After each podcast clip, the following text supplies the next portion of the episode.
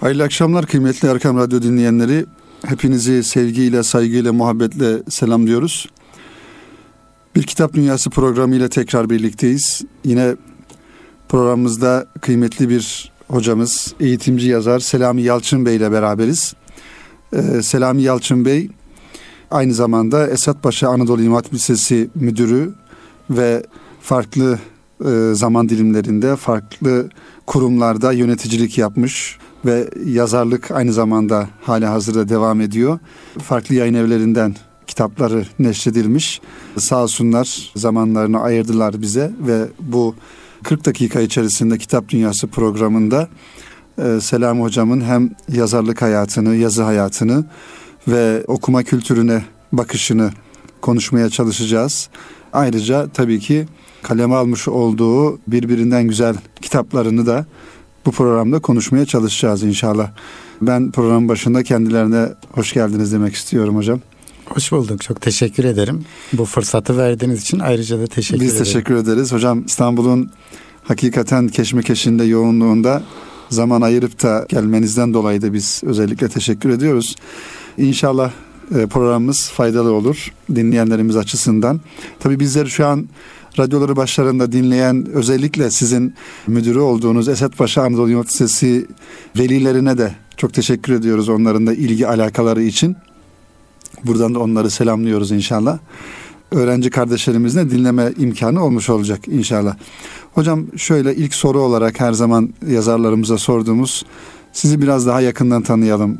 Selami Yalçın hocamızı ee, şöyle biraz geçmişe gidelim. Ee, yakından kendi ağzından tanıyalım ve e, yazı hayatına ne zaman başladı, nasıl başladı? Buradan başlayalım inşallah. Ee, ben liseyi İmam Hatip Lisesi'nde okudum. Ortaokul, lise bizim dönemimizde 7 yıldı ve e, ilçe merkezinde okumuştum. Kitap okuma serüvenim biraz geç başladı. Evet. E, lise 3. sınıfa kadar sadece e, Türkçe ve edebiyat öğretmenlerimizin verdiği kitapları okuyarak kitap okuma etkinliği yapmıştım. İçimde bir ukde vardı fakat bir türlü istediğim fırsatı yakalayamıyordum. Ancak lise 3. sınıfa başlarken bir fırsat yakaladım e, ve romanla kitap okumaya başladım. Ama sağlam ilk, okumaya ilk başladım. İlk okuduğunuz kitabı hatırlıyor musunuz hocam? Yani roman olarak veya farklı bir kitap olarak ilk okuduğunuz kitap. Hatırlamıyorum ama ortaokuldaydım. Sanırım 7. veya 8. E, pardon o dönemde bugünkü tabirle 7-8 diyoruz. Sanırım orta 2 veya orta 3'teydik. Mustafa Miyasoğlu'nun bir kitabıydı, romanıydı ama kitabın adını evet. hatırlamıyorum şu anda. Rahmetli analım Mustafa Miyasoğlu'nu. Evet Allah gani gani geçtiğimiz yılda vefat evet, etti ve evet. E, geçtiğimiz haftalarda da vefat yıl dönümüydü. Cenab-ı Hak rahmet eylesin anmış olalım inşallah. Evet. Sonraki yıllarda lise 3'ün e, yazında başladım. Ahmet Günbay Yıldız'ın romanlarıyla başladım. E, ve ondan sonra kitap okuma serüvenim kesintisiz devam etti. O dönemlerde haftada 500-600 sayfa okumaya e, çalışıyordum. Ama sağlam okuyordum. Yani gazel okur gibi kitap okumuyordum. Kitabı sorgulayarak okuyordum. Satır satır anlayarak, sorgulayarak, soru sorarak tartışarak, belki kavga ederek, belki e, kendimce beğenerek, e, altını, altını çizerek, çizerek yanına e, işaretler koyarak okumaya başladım. Bir şey daha yaptım. Aslında bence e, kitap okumamın e, kalitesini arttırma anlamında çok önemli bir etkinlikti ya da bir e, eylemdi. Kitap okurken e, insan zihni dalar gider. Orada bir cümle de sizi alıp götürebiliyor. Hı hı. Bazen bakardım okumuşum ama uçmuşum, dışarıdayım, kitabın içinde değilim. Bunun üzerine geri dönerdim. Nereden itibaren hatırlamıyorsam, nereden itibaren dalmış isem oradan tekrar okurdum ve bazen bir sayfa üç defa dört defa okuduğumu hatırlıyorum. Kendime bir anlamda ceza ve yaptırım uyguluyordum, ceza veriyordum bir anlamda. Ondan sonra okuma kalitem çok arttı ve okuduğumu tam anlama, öğrenme anlamında öğreniyordum, anlıyordum. Hazmetme değil mi hocam? Yani evet. Aslında asıl mesele yani çok okumak değil, okuduğunuzu e, hazmedip onu e, bir yönüyle yeni ifadeyle özümsemek, ondan sonra okumaya devam etmek. Aynen öyle. Yani e, bu ciddi anlamda bende bir değişime yol açtı. E, sınıfta arkadaşlarımla e, konuşurken, değerlendirmeler yaparken, dersi anlarken, derste bir şey anlatmaya çalışırken bu farkı çok rahat gözlemleyebildim. Hı hı. Ve nitekim e, öğretmenimiz, edebiyat öğretmenimiz lise 3'ün sonlarındaydı. Yani kitap okumaya başlayalı bir yıl henüz daha dolmamıştı.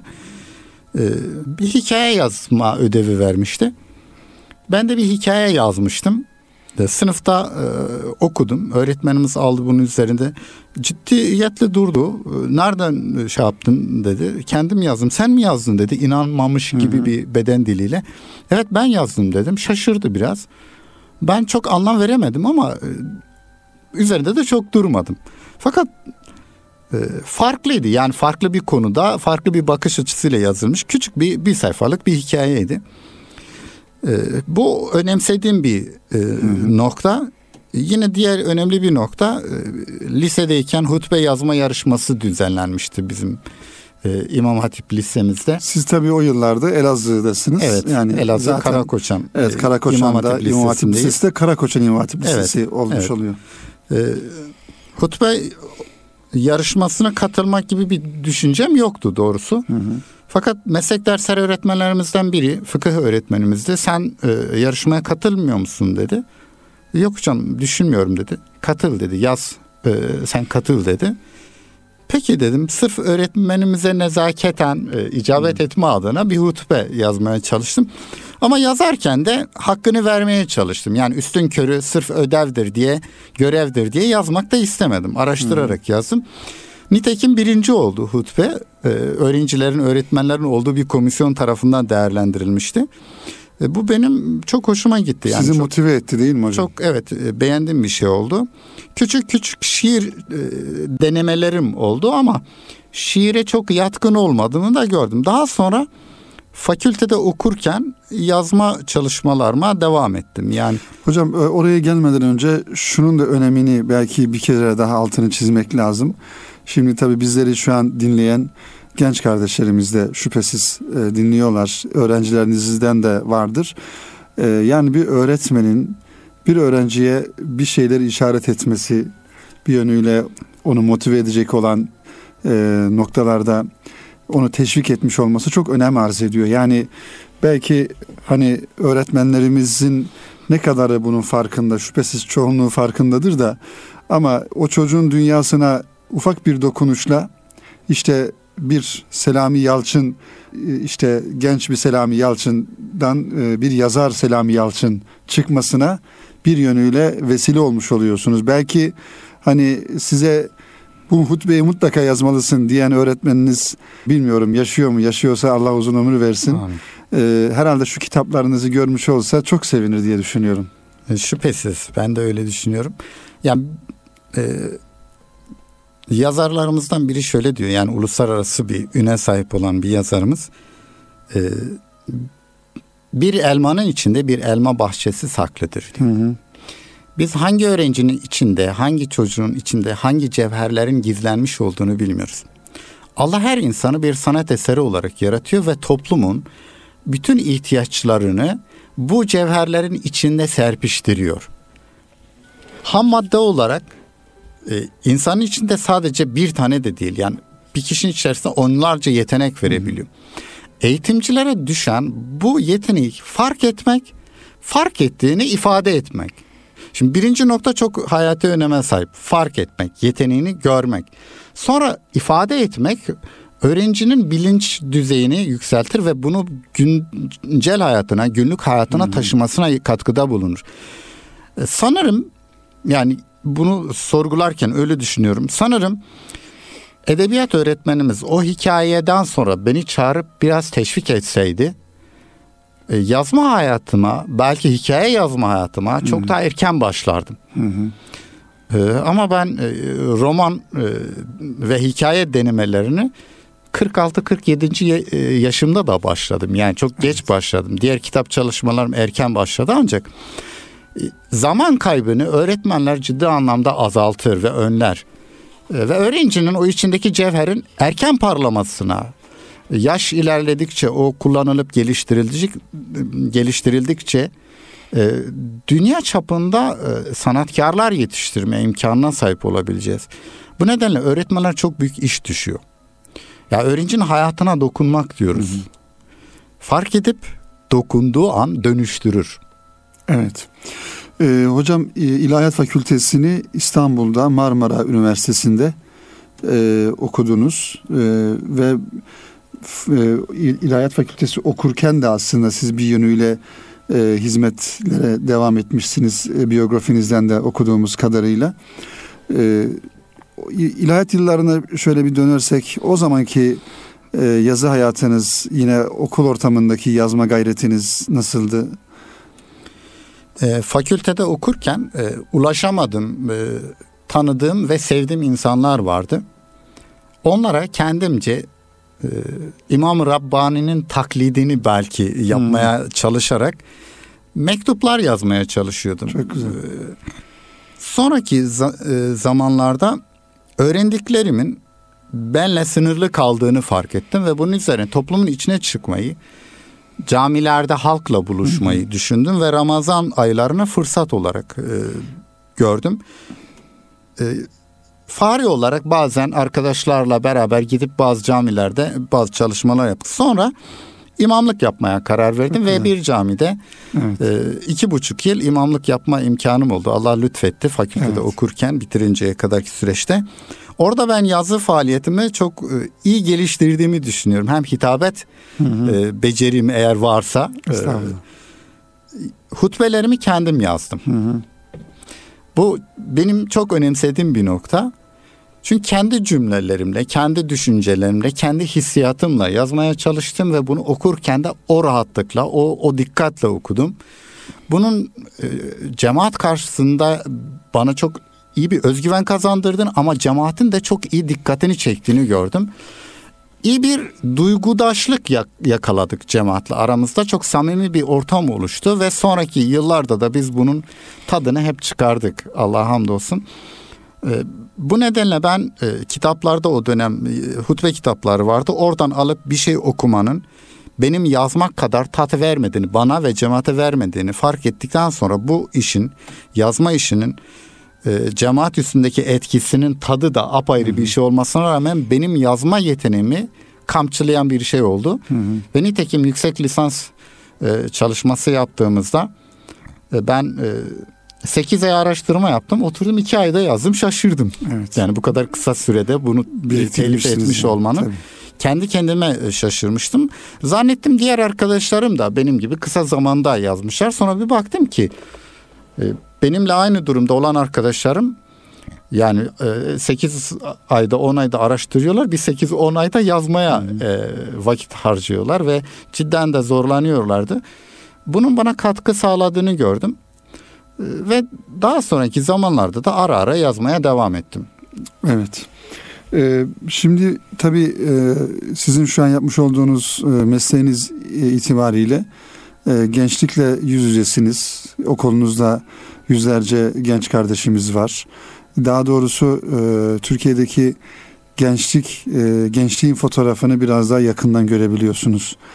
E, yani okumayla alakalı, okuma kültürüyle ilgili Nasıl buluyorsunuz özellikle gençlerimizi? Yeterli buluyor musunuz? Yani şimdiye kadar on binlerce mezun verdim. Değişik okullarda, ortaokullarda, genel liselerde, meslek liselerinde, imam hatiplerde.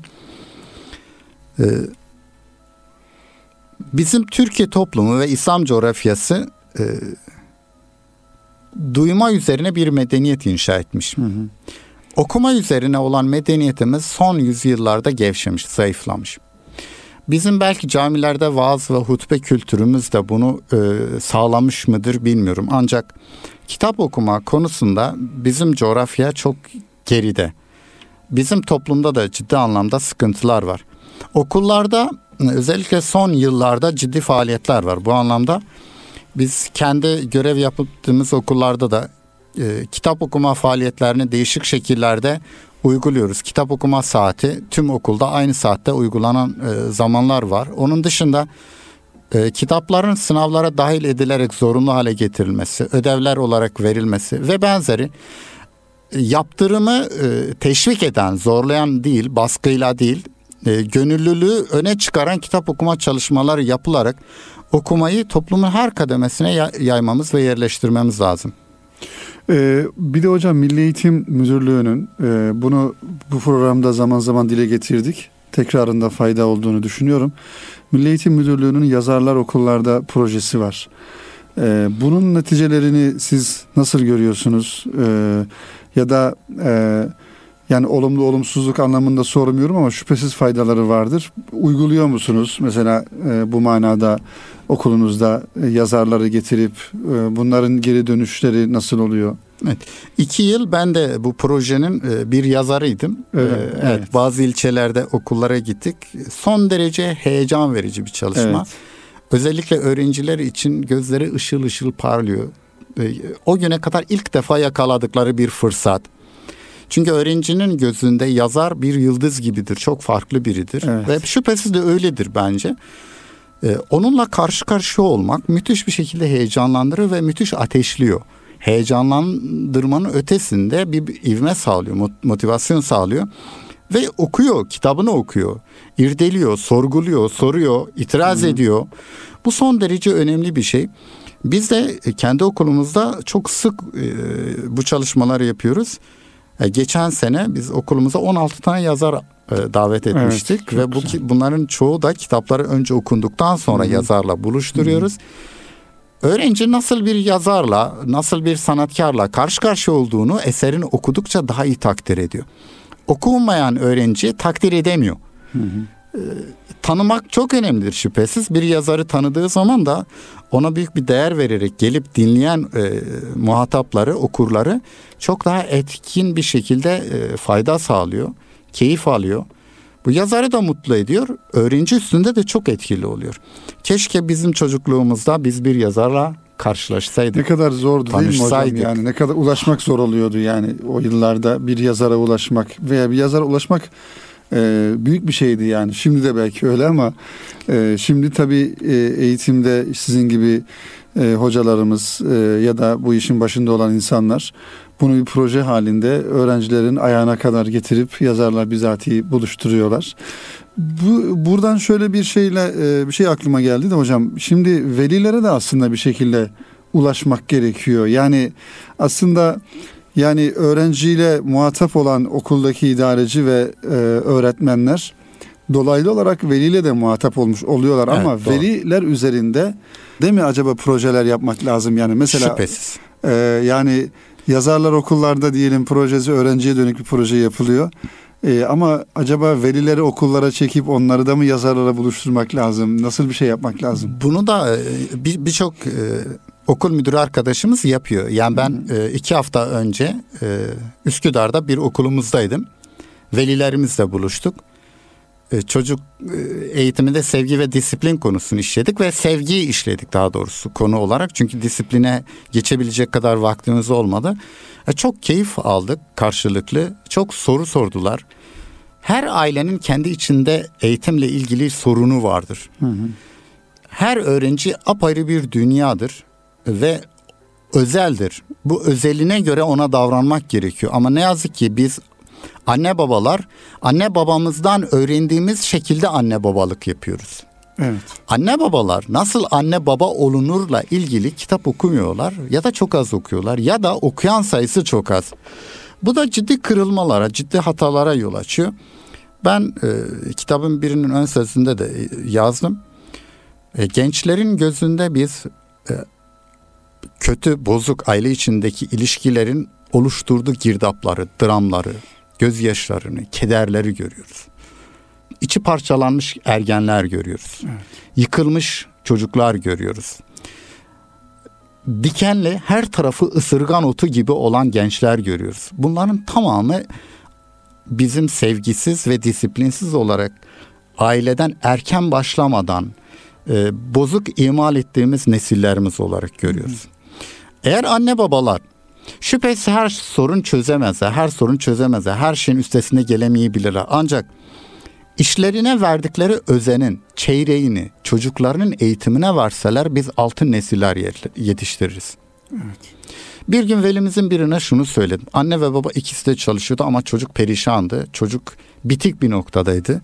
Çağırdım. Siz ne yapıyorsunuz diye sorduğumda hocam ne yapalım çocuğumuza iyi bir gelecek sağlamak için çalışıyoruz. Sizin çocuğunuza yapacağınız en iyi gelecek birkaç aylığına evde birinizin kalıp bu çocukla hmm. sevgi paylaşımında bulunmanız, ilgilenmeniz, hata yapmasına mani olmanızdır. Hmm. Lütfen hanginizinki kolaysa işine bir süre ara versin, bu gencimizle ilgilen. Hmm. Evet. Biz tercihlerimizi sanırım yanlış yapıyoruz. En iyi miras bir gencin, bir çocuğun kendi ayakları üstünde duracak bir birikimle yetişmesidir. Cebine kolay kazanılarak verilmiş bir harçlık çabuk tüketilir. Miras yedi kültürüyle büyüyen çocuk, yetişen çocuk elindekinin kıymetini bilmez. Ama kendi yeteneğiyle, kendi başarısıyla, kendi çabasıyla bir şey biriktiren onun hem kıymetini bilir hem de tadına vara vara onu kullanır. Onu değerlendirir. İşte biz bunu yapmıyoruz. Kolay olanı veriyoruz, kıymetsiz oluyor. Kendi ayakları üstünde durmasını istiyorsak da bu anne babamızda öğren anne babamızdan görerek uyguladığımız metotlarla devam etmemeli. Mutlak olarak anne babalık konusunda bizim kendimizi geliştirmemiz ve çok şey okumamız gerekiyor. Ben çocuk eğitimde sevgi ve disiplinin başında hikayeyle başladım. Hı hı. Sırf bunun için oturdum hikaye yazdım. Orada da şunu net bilinsin diye yazdım. E, avcı av köpeğini yetiştirebilmek için üç tane kitap, beş tane makale okuyor diye yazdım. Belki farklı şeyler de yazılabilir. öyle. Bir avcı av köpeğini yetiştirmek ve ondan fayda elde etmek için üç kitap, beş makale ve onlarca seminer dinliyor da bizim çocuklarımız değersiz mi ki biz Değil onlarca evet. kitap okumuyoruz, onlarca seminer dinlemiyoruz, okullarımızı bunun için de okul yapmıyoruz. Evet. Ve biz bu anlamda bir seferberlik başlatmıyoruz. Bu çok büyük bir kayıptır bence.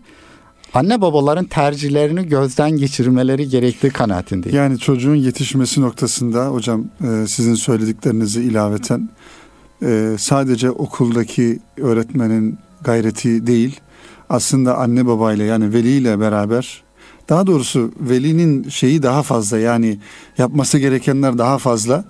Ee, yani veli çocuğu okula gönderiyor dediğiniz gibi kendisi birçok noktada eksikleri var. E, çocuk hata yapıyor. Bu sefer e, öğretmeni belki suçlayabiliyor. Niye bu çocuk düzelmiyor veya okulu suçlayabiliyor. Yani inşallah e, düzelir diyelim. Bir de tabii çocukların hocam daha çok akademik başarısına odaklanmış odaklanmışız yani hep beraber. Yani çocuklar günde şu kadar test çözmeli, şu kadar soru çözmeli, şu kadar işte şu dersten şu kadar not almalı gibi akademik başarıya ha, yani ilkokulda bile bu yapılıyor.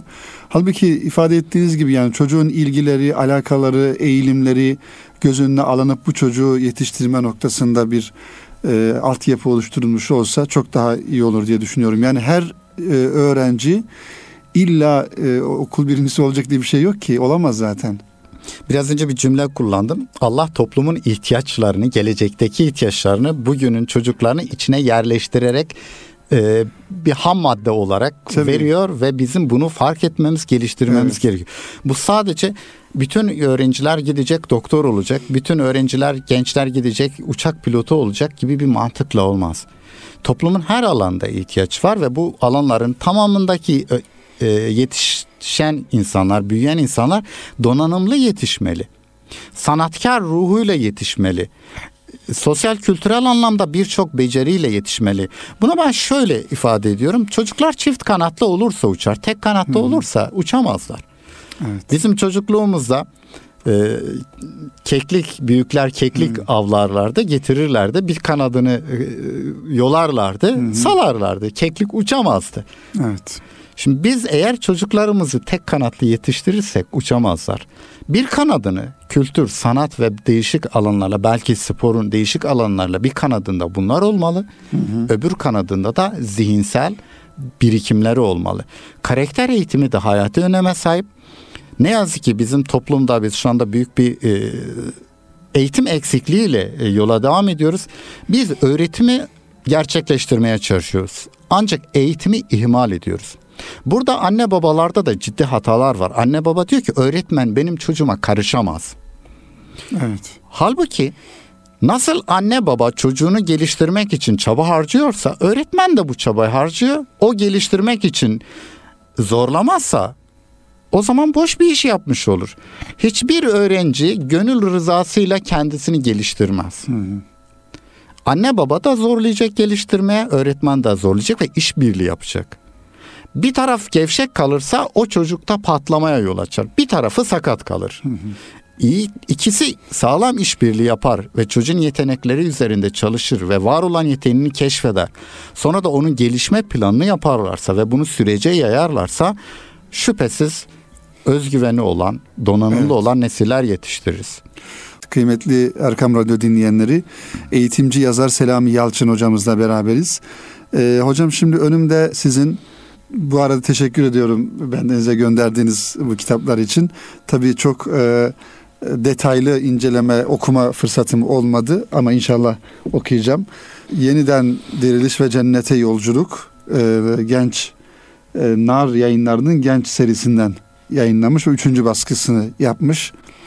E, sonra Allah hangi kullarını sever isimli kitabınızda Hayat yayınlarından çıkmış.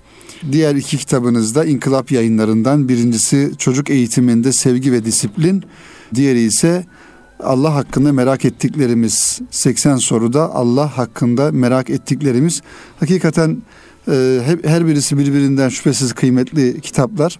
Şöyle bir tanesinden başlayalım. E, sizin de biraz önce atıfta bulunduğunuz çocuk eğitiminde sevgi ve disiplin kitabınız hakkında sizin fikirlerinizi alalım. Bu kitabı hangi ihtiyaçtan dolayı yazdınız? Şüphesiz bir bu manada bir açık gördünüz, bir boşluk gördünüz. Ee, benim de e, hani bu konuda bir söz söylemem lazım dediniz. Bu kitabın kısa bir hikayesini inşallah dinleyelim. 20 e, yıldan fazladır eğitim öğretimin içindeyim. Evet. Bu konuda tabii çok okumalarımız da oldu. Gözlemlerimiz de oldu. Biraz önce söylediğim gibi yani özellikle gençlerin ergenlik fırtınasına e, kapılan gençlerin e, o gözyaşlarındaki dramın giderilmesi anlamda benim de bir şeyler yapmam gerektiğini düşündüm. Sadece hedef kitleme değil, ulaşamadığım insanlara da eğitim öğretim, anne baba, öğretmenlerin de öğrencilere yaklaşımı konusunda bir şeyler yazmam ve bunun yayınlanarak okurların eline ulaşmasını istedim. E, Türkiye toplumu çok hızlı gelişen, dönüşen bir toplum. Özellikle batı menşeli e, bu konularda yazılmış çok kitap var ve çok çeviri de var ve bunların bir kısmı sakat. Yani Türkiye toplumunun dokusuna hı hı. uymuyor. E, bir kısmı da ne yazık ki üzülerek tespit ettiğim bir nokta bizim kültürümüzden uzaklaşarak, uzak durarak yazılıyor. E, büyük bir hazine var İslam kültüründe eğitimle ilgili büyük bir mirasımız var. 1400 yıllık bir birikimimiz var. E, büyük medeniyet, büyük e, imparatorluk bugünkü e, tabirle e, kurmuş bilginlerimiz var ve bunların bu konularda yazmış olduğu eserler var. Ne yazık ki Türkiye'de bu konularda yazanların büyük bir çoğunluğu bunları yok sayarak yazıyor. O zaman kadük bir şey çıkıyor ortaya.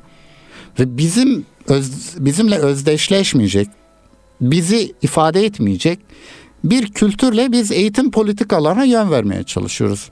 Bunun handikapı içerisinde biraz da bu kitabı yazdım. Yani hem kendi içinde bulunduğum e, gözlemlerim, değerlendirmelerim, okumalarım hem de Türkiye'deki bu sosyolojik vakayı da giderecek bir e, çerçevede kitabı ele almaya çalıştım. Biz eğer Sadi Şirazi'den alıntı yapmayacaksak, hı hı. biz eğer Gazali'den alıntı yapmayacaksak eğitimle ilgili kitap yazmamamız lazım. Eğer sadece bugün batıda yazılanlar ve batının sorunlarını önceleyerek e, yazılmış kitapları alır Türkiye'ye enjekte edersek veya Türkiye okuruna sunarsak e, o zaman benim sorunlarımın büyük bir kısmı Hı. kenarda itilmiş olur. E, biz değer yargılarımızı nasıl öğretip taşıyacağız? Batı'nın böyle bir derdi yok. Batı'nın şu anda en büyük handikapı anne babalar çocukların üzerine nasıl hakimiyet kurarlar? Uyuşturucu belasına nasıl uzak tutarlar? 18 yaşına kadar nasıl ya, evlerinde hata az yaparak tutarlar? E biz böyle bir medeniyet mi inşa edeceğiz? Yani bizim hayata bakışımız, geleceğe bakışımız, çocuklarımıza bakışımız, neslimize bakışımız çok farklı olmalı ve bunun da kaynaklarına inerek her soruna e, çözüm aramamızla sağlanabileceğini düşünüyorum. Yani bizim medeniyetimizden beslenmek zorundayız. Batı medeniyeti sakat ve çürük bir medeniyettir. Bu nedenle kitapta bunu özellikle öncelemeye çalıştım. Burada tabii e, daha çok muhatabınız e, anne babalar. Evet birinci derecede anne babalar ve çevremde öğretmen fazla olduğu için hı hı. öğretmenlere de hitap etmeye çalıştım. Özellikle bir bölümde de sadece öğretmenlere başlık ayırdım. Bazen şu oluyor hocam yani sevgiyle disiplin hani dengesini belki korumak gerekiyor. Şüphesiz kitabınızın içerisinde buna temas etmişsinizdir. Yani aşırı bir sevgi, sevgi patlaması çocuklar üzerinde veya aşırı disiplin çocuklara daha e, sıkmak e, ki çocuk da kendini e, bir an önce işte e, hani aile ortamından kurtarıp farklı alanlarda kendisini rahat edeceği ortamlar arama ve bu burada da yanlış yerlere gitme. Yani herhalde sevgiyi de e, şefkati de veya disiplini otoriter olmayı da bir denge içerisine götürmek gerekiyor. E, kitapta tabii bu konularda geniş e, bilgi var. Yani çok dolu dolu yoğun içerik olarak da bir kitap. E, şöyle özetlenebilir yani. Aşırı sevgiyle büyütülen çocuk e, gemlenmeyen bir ata benzer diyor hmm. Sadi Şirazi. Yani hmm. şımartılan bir çocuk kontrolden çıkan bir çocuktur. Aşırı baskıyla büyütülen çocuk da pimi çekilmiş el bombası gibidir. Ne zaman kimin hayatına son vereceği meçhuldür. Hı Ya kendi hayatına son verir ya en yakınındakilere zarar verir. İkisinin ortasını yakalamak zorundayız. Sevgi ve disiplinin birbirleri birbiriyle olan ilişkisini uçlarını tör, törpüleyerek birbirine yaklaştırarak bir eğitim e, davranışı haline getirmemiz lazım. Öfke kontrolünü anne babaların özellikle mutlaka öğrenmesi lazım. Çocuğa harçlık vermenin, onun taleplerini karşılamanın, her dediğine evet demenin, kendi tatminsizliklerini çocuk çocuğuna tatmin ettirmenin bir eğitim tarzı olmadığını ailelerimizin hmm. öğrenmesi lazım. Çocuğun yanlışına müdahale ile çocuğa müdahale farklı şeydir. Hmm. Evet. Biz birbirine karıştırıyoruz. Çocuğa sevgi vermekle şımartmak farklı şeydir birbirine karıştırıyoruz. Biz ne zaman bunları normal kıvamına çekersek sevgi ve disiplini iki kanada benzetiriz. İki, iki kanatlı olacağız. İkisi birbirini desteklerse çok güzel bir uçurma dediğimiz kuş, uçacak kuş gibi hayata uçar. Evet. Sadece yürümez. Başarılı olur, mutlu olur, güzel bir yuva kurar. O da sağlıklı bir nesil yetiştirir. Amacımız da bu olmalı çocuklarla ilgili. Evet. Biz dünya ve ahirete eğer nesil yetiştireceksek, cennete aday yetiştireceksek sadece bu dünyaya yönelik hesap yapmamalıyız. Benim çocuğum iyi bir meslek sahibi olsun şüphesiz evet ama önce Allah'ın istediği iyi bir insan olsun, iyi bir Müslüman olsun. İş şöyle veya böyle gelir. Rızkı sonuçta Allah üstlenmiştir. Ama cennete gitmek çocuğun elinde. Eğer biz o donanımı vermezsek zengin olabilir. Okuyabilir. Evet. Ama ama ya ahiretini kurtaramamışsa yazık o anne babaya, yazık o çocuğa. Şimdi diğer bir kitabınız hocam biraz hızlı geçelim arzu ederseniz zamanımızı da inşallah kullanmak için. Ee, 80 soruda Allah hakkını merak ettiklerimiz. E, bu da çok ilginç e, e, bir kitap. Yani e, bir kelam konusu neticede e, iman meselesi. Hatta kitabınızın arka kapak sayfasında da tamamen e, Cenab-ı Hak'la ilgili belki hani sorulması da çok uygun olmayan bir takım e, sorular diyelim. Hani işte Allah'ın yemeye ve içmeye ihtiyacı var mıdır? Allah uyur mu? Allah her şeyi bilebilir mi? Allah gelecekte olacakları önceden bilebilir mi? E, bunun gibi böyle Allah'tan başka ilah olsaydı ne olurdu vesaire gibi çok sorular 80 soru. Bu hangi ihtiyaçtan ortaya çıktı? Çünkü e, yani ateistlik e, zamanımızda gençler arasında bilmiyorum nasıl yaygın mı ama ateist insanlar var. Bunları e, öyle ki yani bir Müslüman toplumda artık televizyonların ekranlarından çok rahatlıkla insanlar ben ateistim hiçbir inancım yok e, bunu övünerek özgüven içerisinde hatta e, Ateistler Derneği de kuruldu hocam biliyorsunuz Türkiye'de evet. geçtiğimiz yıl. Evet, televizyona çıkıp rahat e, rahat, rahat da konuşabiliyorlar yani birçok şey. Hani bunu bir şey e, yani şöyle e, yanlış anlamamak gerekiyor. Hani biz insan hakkı vesaire e, tırnak içerisinde insan hakkı e, diyerek e, herkesin de her aklına geleni söylemesi yani Müslüman mahallesinde salyangoz satma gibi bir şey olmuş oluyor bu. E, yani bunu da özgürlükler adına değerlendirmek e, nereye kadar olur? Ama tabii ki e, belli ki e, toplumda iman meselelerinde özellikle e, ki mesela ahiret konusunda da e, birçok insanın şüpheleri vardır. Yani yine evet ki zaten siz onu da ayrı bir kitap olarak e, yazmışsınız. Yeniden diriliş ve cennete yolculuk. E, bu iman meseleleri gerçekten bir yönüyle zor meseleler. Zaten zor olmazsa iman olmaz. Evet, şüphesiz evet. zor ve ağır konular. Ağır, ağır konular. Dolayısıyla bu kitapta e, bence çok isabetli e, olmuş ama e, sizin bu manadaki gördüğünüz e, eksikler nelerdi böyle bir kitabı kaleme almayı düşündünüz? Bu kitabı bana gençler yazdırdı. Evet.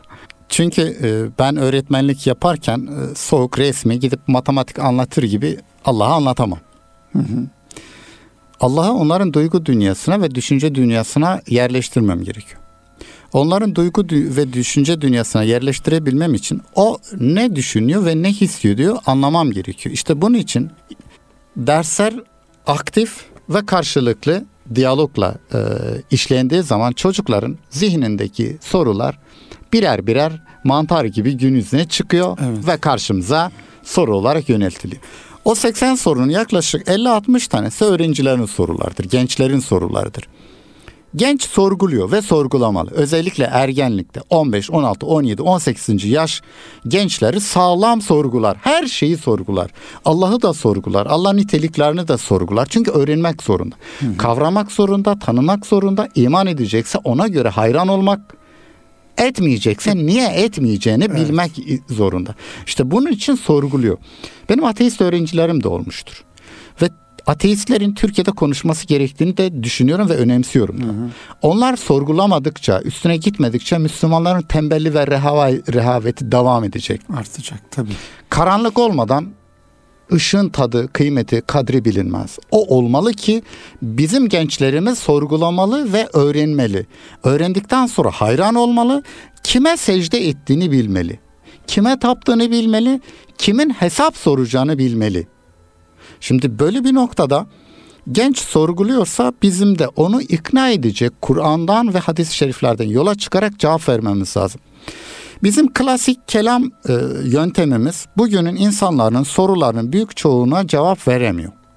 Akaid anlamında İslam alimleri mükemmel bir şekilde Allah'ı ifade etmişler. Bir yere oturtmuşlar. Hı hı. Fakat kelame anlamdaki tartışmaların yarısı bugün ne taşınmamış. Bugün yok.